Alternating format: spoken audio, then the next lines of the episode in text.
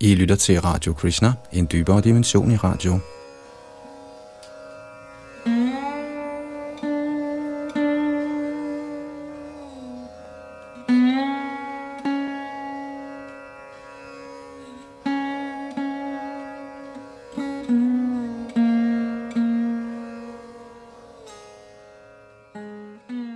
De læmeliggjorte Vedas bønder hedder kapitel nummer 87 i Srimad Bhagavatams 10. bog.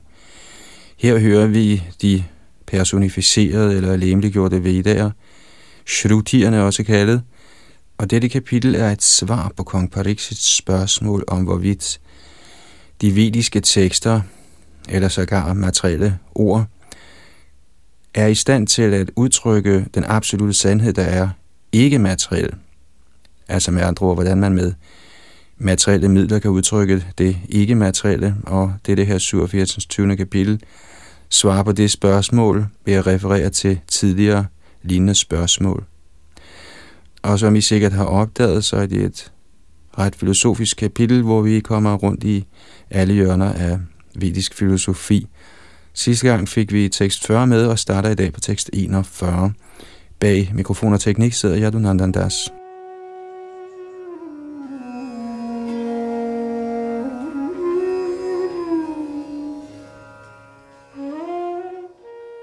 Tekst 41.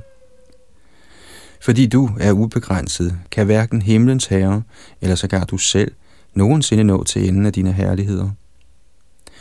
De utallige universer, hvert indhyldet i sin skal, bliver drevet frem af tidens hjul til at bevæge sig rundt inde i dig, ligesom støvkorn, der blæser rundt i luften. Shrudierne, der følger deres metode, er at udelukke alt, der er adskilt fra den højeste, bliver succesfulde ved at afsløre dig som deres endelige konklusion. Kommentar. Nu, i deres sidste bøn, kommer de lemliggjorte vedaer til den konklusion, at alle shrutier med deres forskellige litterære og metaforiske henvisninger i sidste ende beskriver guddommens højeste persons identitet, personlige kvaliteter og kræfter. Upanishaderne lovpriser ham uden ende. Yadurdvam gargi divo yadarvak Prativya yadantara Dhyava prativi ime yad bhutang bhavacha bhavishatcha. Citat. Kære datter af Gardika, hans storhed omspænder alting over os i himlen, alting nedenunder jordens overflade, alt mellem himmel og jord, og alting, der nogensinde har været til, er til nu, eller som nogensinde vil være til. Citat slut. Brihadaranyaka Upanishad 3, 8, 4. For at klargøre betydningen af denne shrutiernes sidste bøn, præsenterer Shrila Vishwanath Chakravarti Thakur følgende samtale mellem herren Narayan og de lemliggjorte vedaer. Vedaerne sagde, Brahma og de andre herskere over de himmelske planeter er endnu ikke nået til enden af dine herligheder. Hvad kan vi da gøre, siden vi er ubetydelige sammenlignet med disse store halvguder? Narayan svarede, nej, Ishrutir er begavet med ædlere syn end halvguderne, der styrer dette univers. I vil kunne nå til enden af mine herligheder, hvis I ikke stopper nu. Men selv du kan ikke finde din egen grænse. Hvis det er tilfældet, hvad mener I så, når I siger, at jeg er alvidende og almægtig? Vi konkluderer, at du besidder disse træk ud fra det faktum, at du er ubegrænset. I sandhed, hvis man er uvidende om noget, der end ikke eksisterer, såsom en kanins horn, For mennesker er det ikke ens alvidenhed, og hvis man mislykkes med at finde en sådan ikke-entitet, begrænser det ikke ens almagt. Du er så enorm, at mængder af universer flyder ind i dig.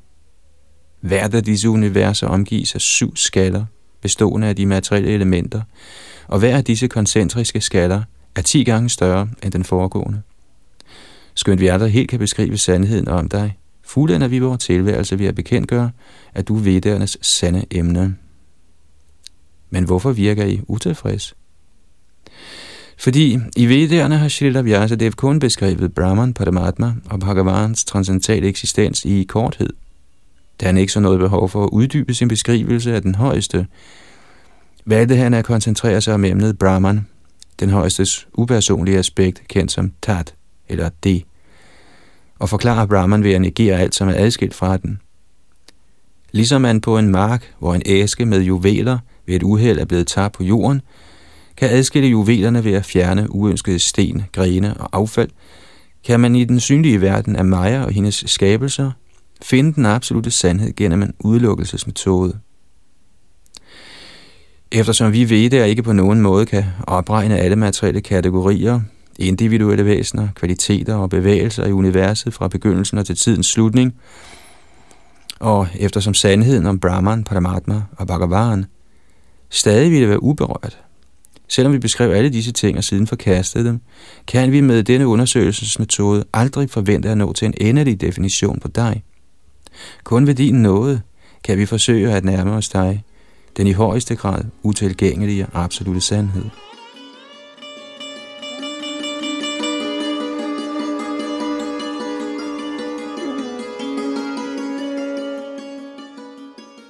Der er mange udtalelser i Shruti, der fortsætter arbejdet med Adan Nidasanam.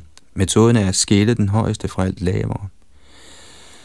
Brihadaranyaka Upanishad 3.8.8 udtaler for eksempel Astula mananu ashravam madirgham alohitam asnehamachaya matamo vavyanaka samasangam arasam agandam achakshushkam ashrutram agamanu tejaskam apranam masukam amatram anantaram abhayam.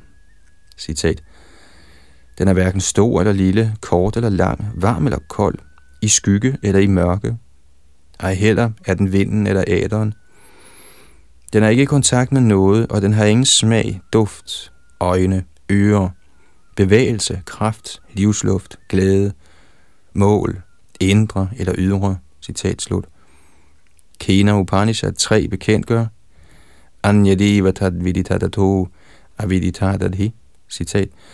Brahman er adskilt fra det kendte og også fra det endnu ukendte. Citat slut. Og Katha Upanishad 2.14 udtaler Anyatra dharmad, anyatra dharmad, anyatra smart krita kritat. Citat. Brahman ligger hensides rækkevidden for religion og irreligion, from og ugudelig handling. Citat slut. Ifølge reglerne for lingvistik og logik, kan en negation ikke være uafhængig. Der må være en eller anden positiv genpart, af hvilken den er negationen. I tilfældet med vedernes udtømmende Athan Sanam, deres benægtelse af, at noget materielt kan være absolut virkeligt, er genparten guddommens højeste person, Herren Sri Krishna. Srila Sridhar Swami beder Jupattayo vidurantam anantatena chabhavana gira shruti mauraya. Tvaji palanti yato nama ityato. Jaya jayeti bhaje tavatat padam. Citat. Himlens guder kender ikke din grænse, o uendelige herre. Og selv du kender den ikke. Fordi de forreste shrutiers transcendentale ord bærer frugt ved at afsløre dig, viser jeg i min erbødighed – Således tilbeder jeg dig som den absolute sandhed og siger, alt er til dig, alt er til dig. Citat slut.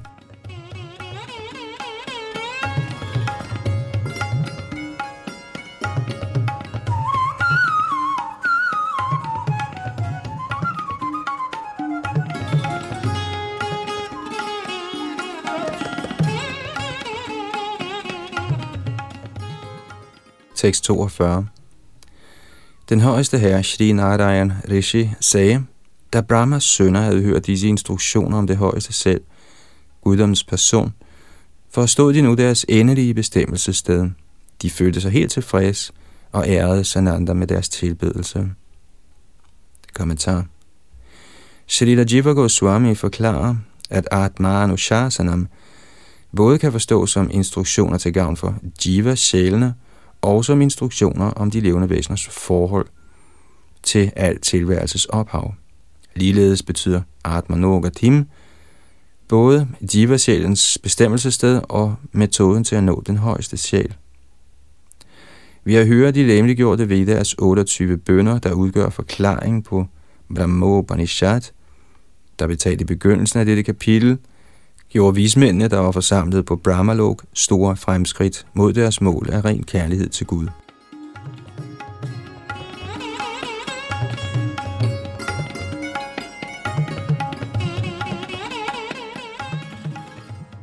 Tekst 43 og 44. Således uddestillerede de elgamle vismænd, der rejser i de øvre himle, denne livlige og fortrolige essens fra alle Vedaer og Puranaer. Og som du vandrer på jorden efter for godt befindende, min kære søn af Brahma, skal du trofast meditere på disse instruktioner angående videnskaben om selvet, der brænder alle menneskers materielle ønsker op. Kommentar Narad, søn af Brahma, hørte denne redegørelse fra Sri Narayan Rishi.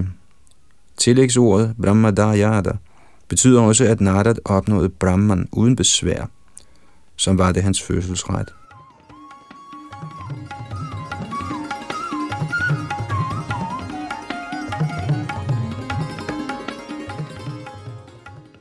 Tekst 45 og 46 Shukadev Goswami sagde, da Shri Narayan Rishi befalede ham således, accepterede den fattede vismand Narada, hvis løfte er lige så heldemodig som en krigers, denne instruktion med fast tro. Nu, succesfuld i alle sine formål, tænkte han på det, han havde hørt, o konge, og svarede herren som følger. Shri Narada sagde, Jeg viser min erbødighed for ham, der besidder pletfri berømmelse, den højeste herre Krishna, der viser sine alt igennem tiltrækkende personlige ekspansioner, sådan at alle levende væsener kan opnå befrielse. Kommentar Srila Sridhar Swami bemærker, at Naradas tiltale af Sri Narayan Rishi som inkarnation af Krishna er ganske passende, og i overensstemmelse med følgende udtalelse fra Srimad Bhagavatam 1.3.28. I e det chance kalapung pungsa, Krishnas tu Bhagavan svayam. Citat, alle de oven nævnte inkarnationer, herunder Narayana Rishi, er enten herrens fuldstændige dele, eller dele af herrens fuldstændige dele. Men herren Shri Krishna er guddommens oprindelige person. Citat slut. I Sri Vishwanath Chakravartis kommentar til dette vers, stiller herren Narayan Rishi spørgsmålet, hvorfor viser du Krishna erbødighed i stedet for mig, din guru, der står her foran dig? Narada forklarer sin handling ved at sige, at Krishna antager alt igennem tiltrækkende inkarnationer, som Shri Narayana Rishi for at gøre en ende på de betingede sjæles materielle liv. Ved at vise Krishna af bødighed, ærer Narada således Narayana Rishi og alle andre af guddommens manifestationer til lige med. Denne Narads bøn er den essentielle nektar, han har udvundet fra de læmeliggjorte vedders bønder, der i sig selv blev kernet fra Vedaernes og Puranernes livlige ocean af hemmeligheder, som Gopal Tapani Upanishad Purvakanta 50 anbefaler. Tasmat Krishna eva paro devas tang dhyajet tang rasayet tang Bajet tang yajet iti om tat sat. Der betyder, derfor er Krishna den højeste guddom. Man må meditere på ham, nyde smagen af kærlighedsudvekslinger med ham, tilbede ham og give ham ofre.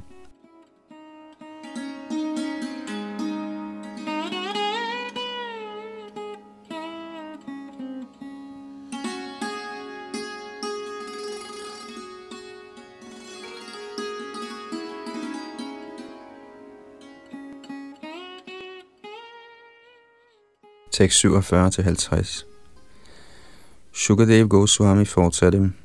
Efter at have sagt dette, bøjede Narada sig ned for Sri Narayan Rishi, den forreste af vismænd, og også til hans helgenagtige disciple.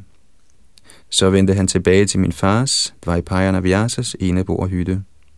er inkarnationen af guddommens person, hilste respektfuldt på Narad Muni og tilbød ham en sideplads, som han tog imod. Narad beskrev derfor Vyas, hvad han havde hørt fra Sri Narayan Rishis mund.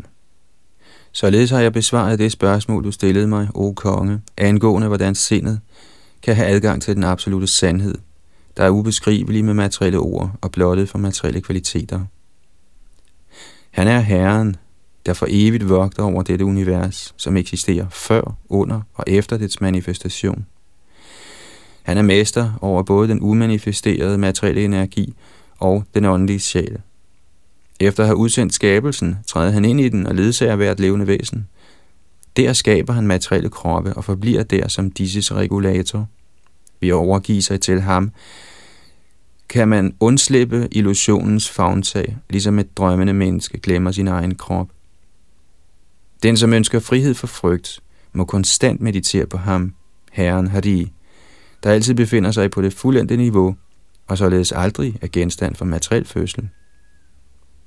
Kommentar ved at kaste sit blik på det slumrende univers, når tiden kommer til at sende jiva-sjælene ud i skabelsen, sørger den højeste herre for alle deres behov. For de levende væsener, der er frugtstræbende arbejdere, stiller han den intelligens og de sanser til rådighed, der er pågrebet for at opnå succes i materielt arbejde. Til dem, der søger transcendental viden, giver han den intelligens, der er pågrebet for, at de kan smelte sammen med Guds åndelige stråleglans og således opnå befrielse. Og til de hengivne giver han den forståelse, der fører dem til hans rene hengivne tjeneste.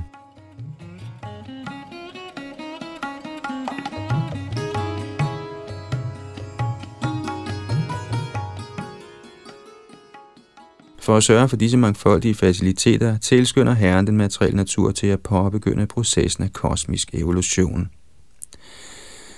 Således er Herren skabelsens nemitta karanam, eller virksomme årsag. Han er også upadan karanam, den ingrediensmæssige årsag, for så vidt som alting udstrømmer fra ham, og alene han er for evigt til stede før, under og efter manifestationen af det skabte univers. Herren Narayan siger selv dette i Chatushloki Bhagavatam. Ahameva sameva gre nanyad yad sarasat param paschad ahang yadita cha yo taso smyaham Citat. Det er jeg, guddommens person, der var til før skabelsen, da der intet var ud over mig. og heller var der nogen materiel natur, denne skabelses årsag. Det, du nu ser, er også jeg, guddommens person, og det, der efter udslettelsen står tilbage, er også jeg, guddommens person. Citat slut. Srimad Bhagavatam 2.9.33 Den oprindelige Maya og Jiva-sjælen kan måske siges fortjene titlerne som de henholdsvise Upadan og Nimitta årsager til skabelsen i en relativ forstand, men Herren er trods alt ophavet til dem begge.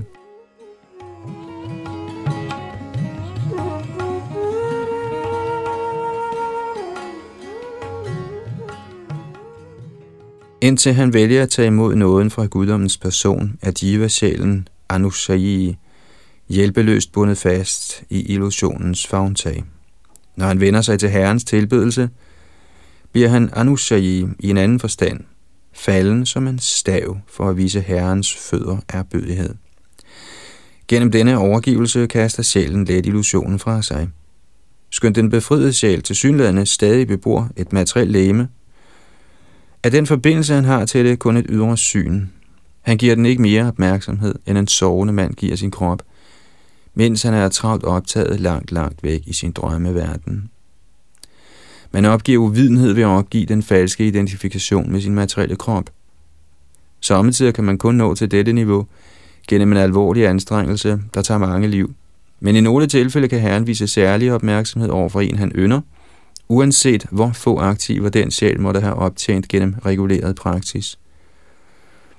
Med Shri Bhishmadevas ord, Yamyaha Niriksha Hata Gada Svarupam, citat, de, som helt enkelt så Krishna på Kurukshetras slagmark, opnåede deres oprindelige skikkelser, efter de var blevet dræbt.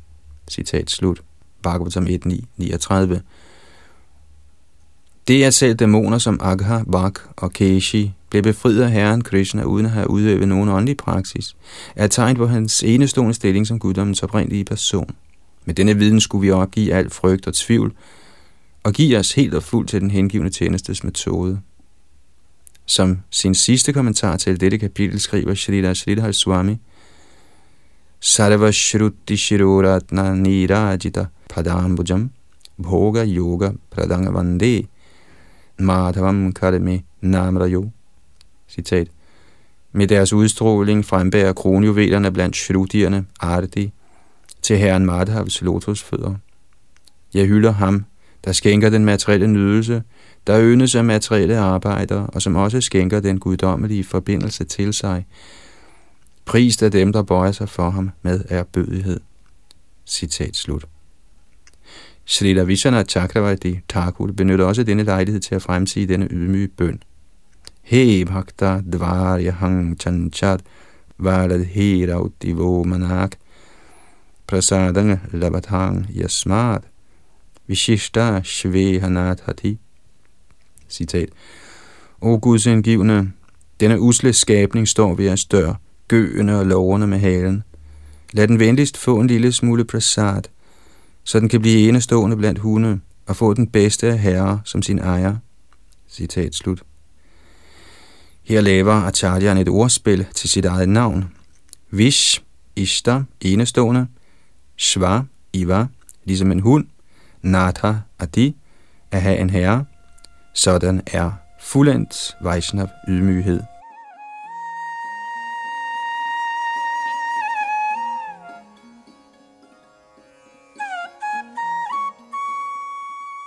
Således ender kommentarerne fra hans guddommelige nåde A.C. Bhaktivedanta, Swami Prabhupads ydmyge tjenere til Srimad Bhagavatams 87. 20. kapitel med titlen De læmeliggjorte ved bønder.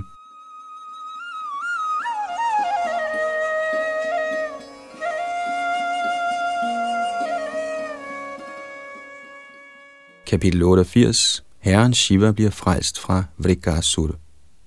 Tekst 1 og 2 Kong Pariksit sagde, de halvguder, dæmoner og mennesker, der tilbeder Shiva, en streng asket, nyder som regel velstand og sanseglæder, mens de, der tilbeder den højeste herre Hari, lykkegudindens ægte mand, ikke gør. Vi ønsker til fulde at forstå dette emne, der i høj grad forundrer os. Ja, de resultater, tilbederne af disse to herrer med modsatte egenskaber opnår, svarer ikke til det, man ville forvente. Kommentar. Forrige kapitel sluttede med den anbefaling, at man altid skal meditere på Herren Hari, der skænker befrielse. I den forbindelse belyser Maharaj Pariksit her jævne menneskers almindelige frygt for, at man ved at blive Vishnus hengivne mister sin velstand og sociale status. Til gavn for sådanne mennesker med ringe tro, anmoder kong Pariksit Shrita Sukadev Goswami om at forklare et tilsyneladende paradoks. Herren Shiva, der lever som en tigger, uden sågar et hus, han kan kalde sit eget, gør sine tilhængere rige og mægtige, mens herren Vishnu, den er mægtige ejer af alt, der er til, ofte reducerer sine tjenere til elendig fattigdom. Sukadev Goswami vil svare med uddybende forklaringer og en elgammel beretning om dæmonerne Vrikar.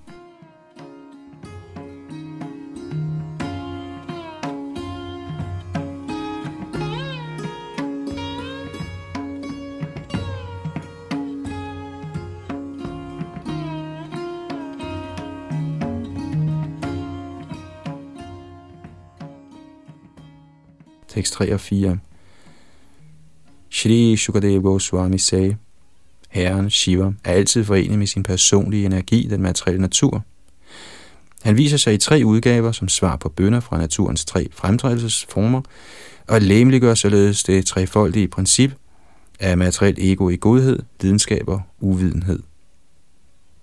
De 16 elementer har udviklet sig som omdannelser af dette falske ego – når en tilhænger af herren Shiva tilbeder hans manifestation i et af disse elementer, opnår vedkommende alskens tilsvarende behagelige rigdomme. Kommentar.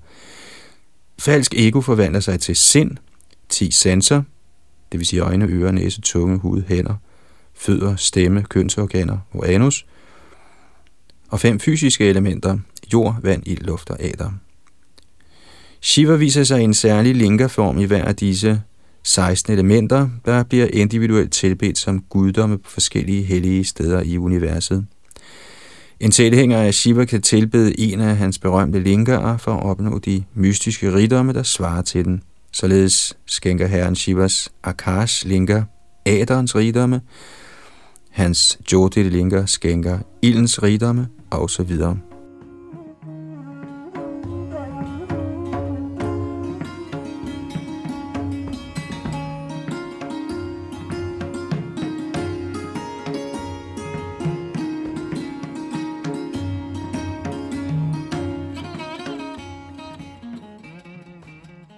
Tekst 5. Herren Hari har imidlertid ingen forbindelse til de materielle kvaliteter. Han er guddommens højeste person. det altseende, evige vidne, der er transcendental til den materielle natur. Den, som tilbeder ham, bliver ligeledes fri for de materielle kvaliteter. Kommentar Herren Vishnu befinder sig i sin egen transcendentale stilling, hinsides den materielle energi. Så hvorfor skulle tilbedelse af ham bære frugten af materiel rigdom? Den faktiske frugt af at tilbede Vishnu er transcendental kundskab. Således opnår Vishnus tilbeder den transcendentale kundskabs øjne, i stedet for at blive forblindet af værtslige aktiver. Da Herren er den materielle skabelses afsondrede vidne, bliver hans hengivne også hævet over vekselvirkningen mellem Herrens lave og energier. Shalila Shalidhar Swami citerer følgende passage fra den vediske litteratur, og vi springer lige den lange sanskrit over. Citat, når den absolute virkelighed omgås naturens fremtrædelsesformer, antager han to slags skikkelser i denne verden, afhængig af om hans åndelige kvaliteter er synlige eller ej. Således handler han ligesom en genspejling, og den yderligere sekundære genspejling. Fremtrædelsesformerne er godhed, lidenskab og uvidenhed, hvis individuelle natur er fredfyldthed, voldsomhed og tåbelighed, bliver personligt reguleret af henholdsvis Vishnu, Brahma og Shiva. Vishnus fredfyldte kvalitet af godhed adskiller sig ikke væsentligt fra hans oprindelige åndelige kvaliteter, selvom de kun er delvist manifesteret i denne verden. Således bliver Herren Vishnus kvalitet af godhed aldrig besudlet af ophidselse, det vil sige lidenskab eller vilfarelse i uvidenhed. Men gennem kvaliteterne af lidenskab og uvidenhed bliver Brahmas og Rudras åndelige kvaliteter tilsløret. Således viser disse kvaliteter sig kun delvist som adskilte materielle kvaliteter. Hvis man således fæstner sin bevidsthed på Herren Vishnu, lemliggørelsen af al godhed, fører det til befrielse. Sådan Guds bevidsthed fører også som biprodukt til materiel succes, men dens virkelige natur er ren åndelig ekstase. Alt efter deres tilbedelsesmetoder opnår tilhængerne af Brahma, Rudra og andre halvguder de materielle rigdommes begrænsede succes. Til sidst kan de muligvis blive egnet til fuld udfrielse. Citat slut. Samme idé bliver gentaget i følgende udtalelse fra Srimad Bhagavatam 1.2.23. Shreyang sitatrakaru satvatanoren rinang siv, der betyder, at disse tre, Brahma, Vishnu og Shiva, kan alle mennesker opnå endelig fordel fra Vishnu, formen af godhedens kvalitet.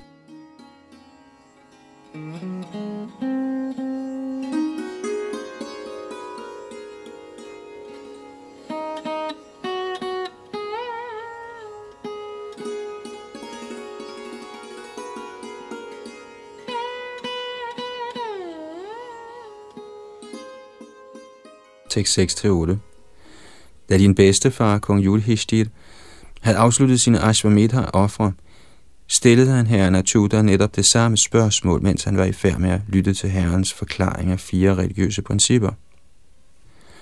Det spørgsmål behagede Sri Krishna, kongens herre og mester, der var nedstedet i Yadus familie med det formål at skænke det største gode til alle mennesker. Herren svarede som følger, mens kongen ivrigt lyttede. Guddommens person sagde – hvis jeg ynder en person i særlig grad, fjerner jeg gradvist hans velstand. Derefter forlader slægt og venner en sådan forarmet mand. Således oplever han den ene elendighed efter den anden. Kommentar.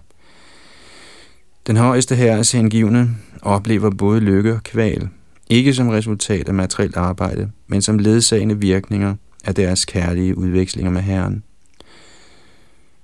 I Shri Bhaktira Samrita Sindhu, der er Shri Rupa Goswamis definitive afhandling om den hengivne tjenestes metode, forklarer han, hvordan en Vaishnav bliver befriet fra alle karmiske reaktioner, herunder dem, der stadig ikke er begyndt at vise sig.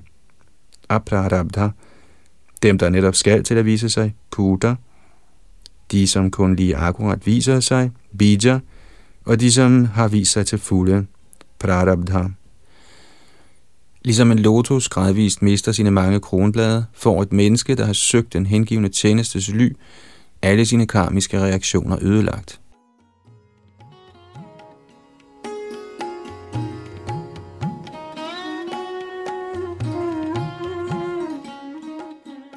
Det, at den hengivende tjeneste til Herren Krishna udrydder alle karmiske reaktioner, bliver bekræftet i denne passage fra Gopal Tapani Shruti Purva 15.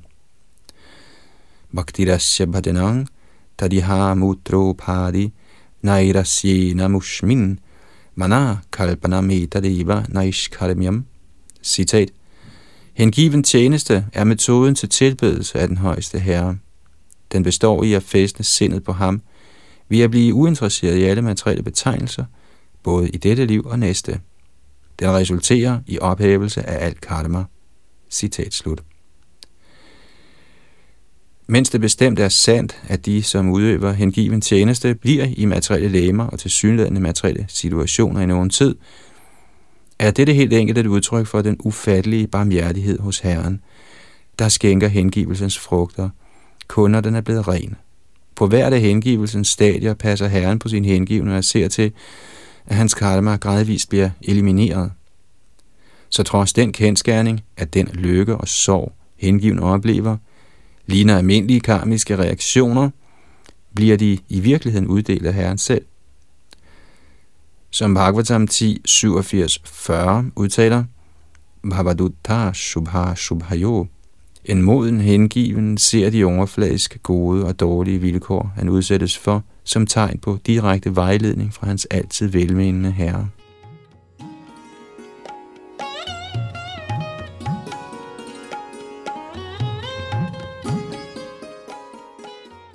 Men hvis herren er så medfølende over for sine hengivne, hvorfor udsætter han dem for særlig lidelse? Det bliver besvaret med en analogi. En meget kærlig far påtager sig ansvaret af at begrænse sine børns leg og sende dem i skole. Han ved, at det er et ægte udtryk for hans kærlighed til dem, selvom børnene ikke kan forstå det. Ligeledes er den højeste herre Vishnu noget et striks over for alle sine underordnede, ikke alene over for umodne hengivne, der kæmper for at blive kvalificeret. Selv fuldendte helgener som Pralad, Druva og Yudhishthir blev udsat for stor modgang, alt sammen til deres forherligelse. Efter slaget ved Kurukshetra beskrev Shri Bhishmadev sin undren over dette for kong Yudhishthir. Yadradharmasuto raja gada panir vrikodaraha Krishno stri gandivam chapam suhrit krishnas tato vipat nahyasya karhi chidrajan puman vitti viditsitam yadvijjigyanasya yukta muhyanti kabayopihi. Citat. Oh, hvor forunderlig påvirkningen er fra den uundgåelige tid. Den er uigenkaldelig. Hvordan kan der ellers være modgang i tilstedeværelse af kong Yudhishthir, søn af halvguden, der styrer religion? Bhim, den store køllekriger, den dygtige bueskytte Arjun med sit mægtige våben Gandiva, og frem for alt herren, Pandavarnas direkte velønder. O konge, ingen kan kende herrens plan. Skønt store filosofer gør sig umådelige anstrengelser, er de forvidrede. Citat slut. Srimad Bhagavatam 1, 9, 15 og 16.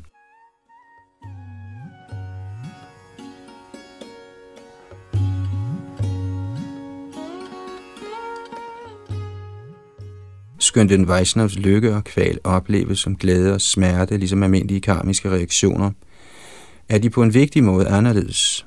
Materiel lykke og kval, der affødes af karma, efterlader en subtil rest, frøet til fremtidig indvikling.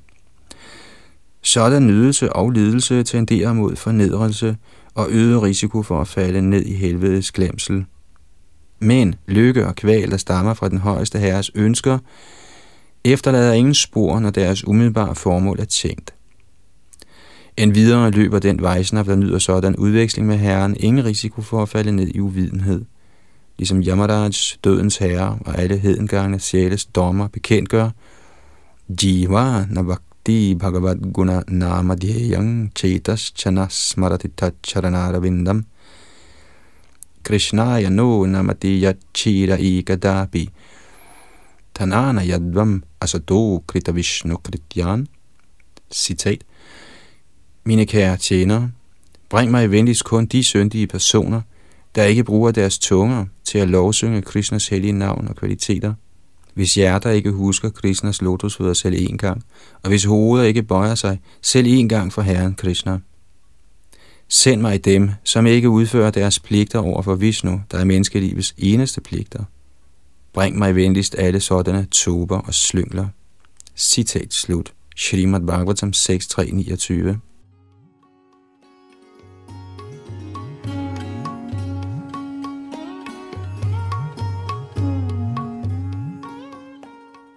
Herrens elskede hengivne ser ikke de kvaler, Herren påfører dem, som besværlige. I stedet finder de, at de i sidste ende afføder umådelig glæde. Ligesom en svigende salve påført af en læge kurerer patientens betændte øje. I tilgift af lidelse med til at beskytte den hengivne tjenestes fortrolighed ved at afskrække indtrængen fra de troløse, og den forøger også den iver med, hvilken de hengivne beder Herren om at åbenbare sig. Hvis Herren Vishnus hengivne konstant var maligt tilfreds, ville han aldrig have nogen grund til at vise sig i denne verden som Krishna, Ramchandra, Rasingha osv. Som Krishna selv siger i Bhagavad Gita 4.8, sadhu sadhunang, vinashaya chadushkritam, dharma sangsthapanardaya, sambhavami yuge yuge. Citat, for at befri de fremme og udslette skurkene, såvel som for at genetablere religionens principper, viser jeg mig årtusinde efter årtusinde. Citat slut. Og uden Herrens åbenbaring på jorden i sin oprindelige Krishna-skikkelse og i skikkelse af forskellige inkarnationer, ville hans tro tjenere i denne verden ikke have nogen lejlighed til at nyde hans ras lila og andre tidsfordriv.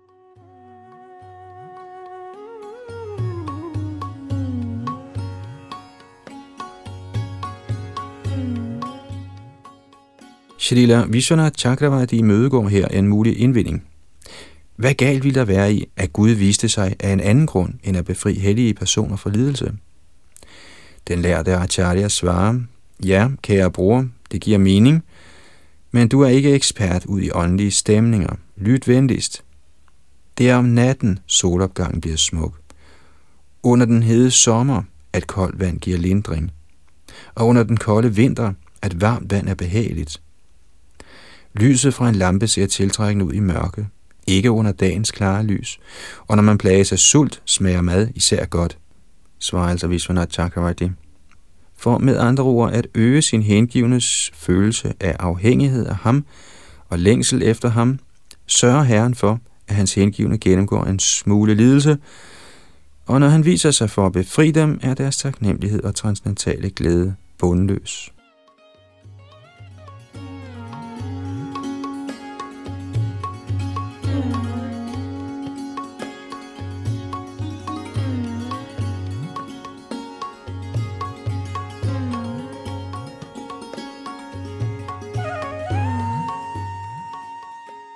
Tekst 9-16 Når han skuffes i sine forsøg på at tjene penge, og i stedet hjælper mine hengivne, skænker jeg ham min særlige barmhjertighed.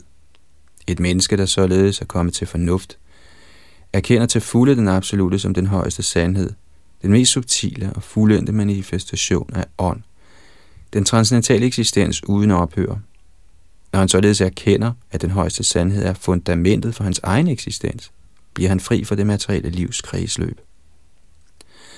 Fordi jeg er vanskelig at tilbede, undgår folk mig som regel, og tilbeder i stedet andre guddomme, der hurtigt bliver tilfreds. Når folk modtager kongelige rigdomme fra disse guddomme, bliver de hovmodige, berusede af stolthed og forsømmelige i deres pligter. De våger endda at fornærme halvguderne, der har skænket dem disse begunstigelser. Sukadev Goswami sagde, Herren Brahma, Herren Vishnu, Herren Shiva og andre er i stand til at forbande eller velsigne en. Shiva og Brahma er hurtige til at forbande eller skænke gunstbevisninger, kære konge, men den ufejlbarlige højeste herre er ikke. I den forbindelse fortælles der en elgammel historisk beretning om, hvordan herren over Kailas bjerget blev bragt i fare ved at tilbyde dæmonen Vrika velsignelser.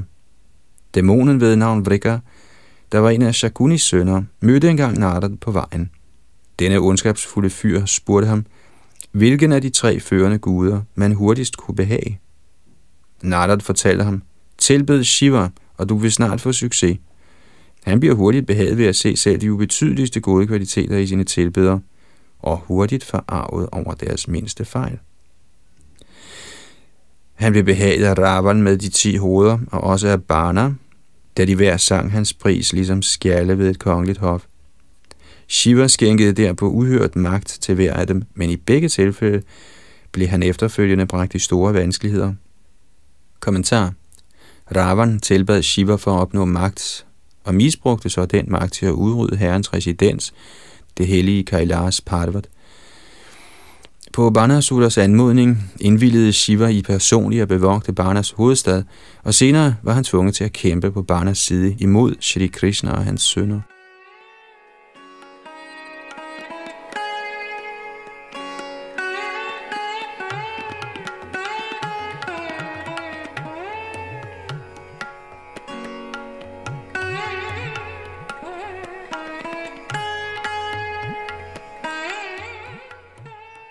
Tekst 17-26. Sukadev Goswami fortsatte.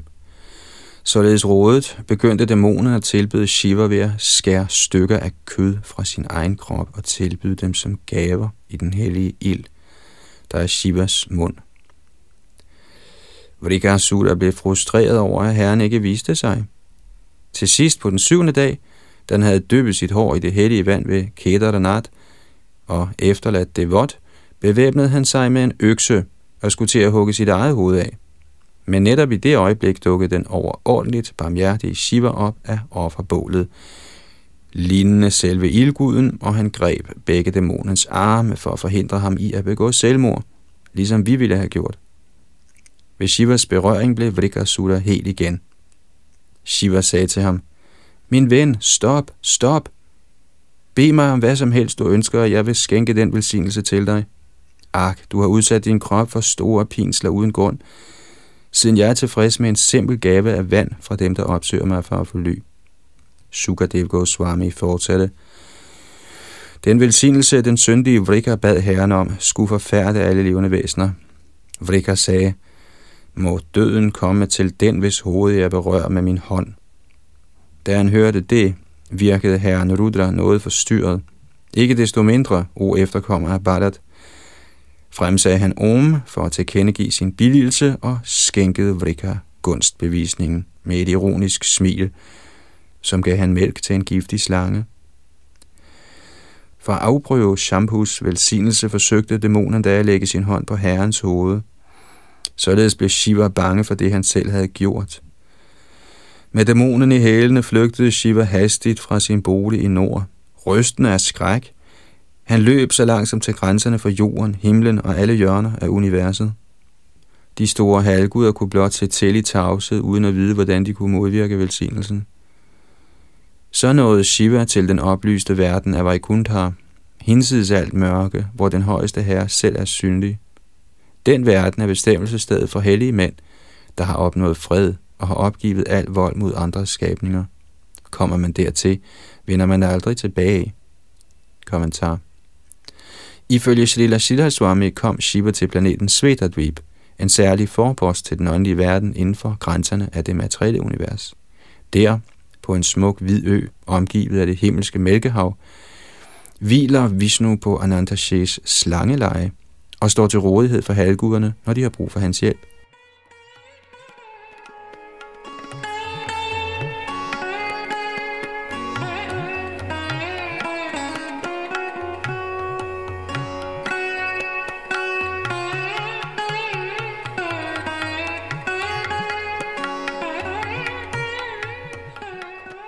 Tekst 27 og 28.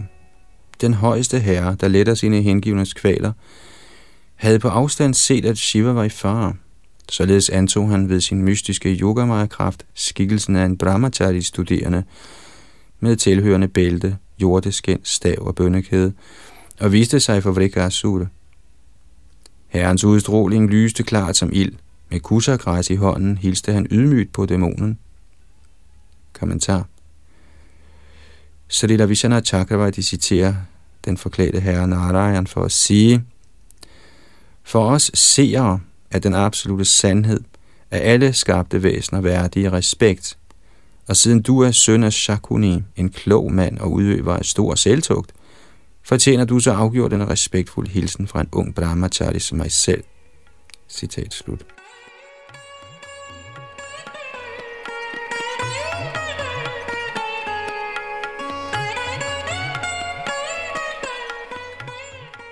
Tekst 29. Den højeste herre sagde, Kære søn af Shakuni, du ser træt ud. Hvorfor er du kommet her så langvejs fra? Hvil dig lidt. Trods alt er det jo kroppen, der opfylder alles ønsker. Kommentar. I Krishna kilden til alt glæde kommenterer Shrila Prabhupada, citat, før dæmonen kunne indvende, at han ikke havde tid til at hvile sig, begyndte herren at informere ham om kroppens betydning, og dæmonen var overbevist. Et hvert menneske, navnlig en dæmon, betragter kroppen som yderst vigtig. Citat slut.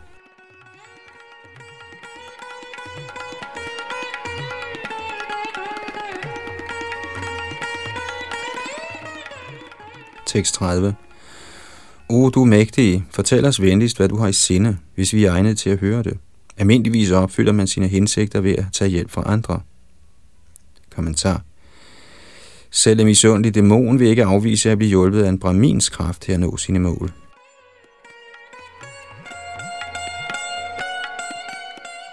Tekst 31-34 Shukadev Goswami sagde, således tiltalt af guddommens person, med et sprog, der løb ned over ham som livlig gudedrik, følte Vrika lettelse fra sin træthed. Han fortalte herren alt, han havde gjort. Den højeste herre sagde, hvis det er sandt, kan vi ikke tro på det, Shiva siger. Shiva er den samme herre over Pretaer og Pishachaer, som Daksha forbandede til at blive en kødædende nisse. O, du bedste af dæmoner, hvis du har nogen tillid til ham, fordi han er åndelig mester over universet, læg da straks din hånd på dit eget hoved og se, hvad der sker. Hvis Shambus ord på nogen måde viser sig at være usande, o du forreste af dæmoner, dræb da den løgner, sådan at han aldrig igen vil lyve. Kommentar. Herren Shiva måtte have magten til at genopleve sig selv, efter at være blevet dræbt, men i det mindste vil han være rådet til ikke at lyve mere.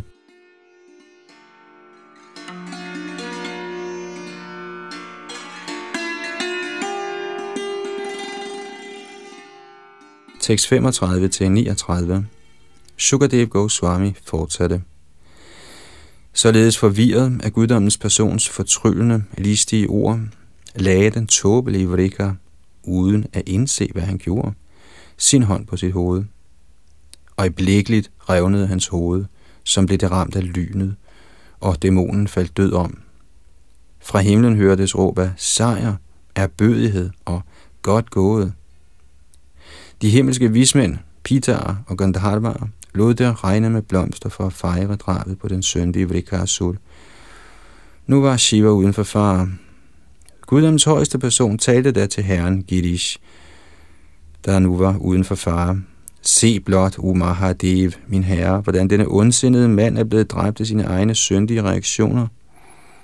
Ja, hvilket levende væsen kan håbe på fremgang, hvis han fornærmer ophøjet helgener, for ikke at tale om at fornærme universets herre og åndelige mester.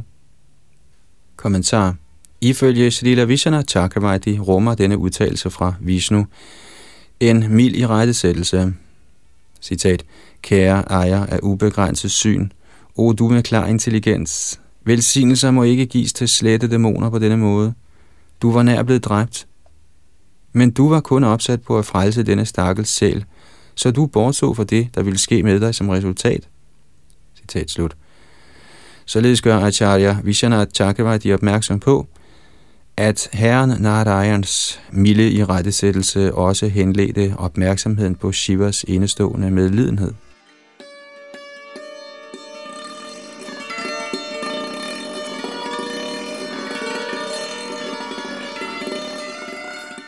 Tekst 40 Herren har de er den direkte synlige, absolute sandhed, den højeste sjæl og det ubegrænsede ocean af ufattelige energier. En hver, der fremsiger eller hører dette tidsfordriv om, hvordan han frelste Shiva, vil blive befriet fra alle fjender og gentagelsen af fødsel og død. Kommentar Shrita Shrita Swami afslutter dette kapitel med følgende udtalelse. Bhakta Sankatam Marokya Kripa Pulana Haridambuja Giritrang Chitravakyatu Mokshayam Asakeshava. Citat. Da herren Keshav så faren, der troede hans indgivende, blev hans lotuslignende hjerte fyldt af sympati, Således befriede han herren Shiva fra følgerne af hans egne veltalende ord. Citat slut.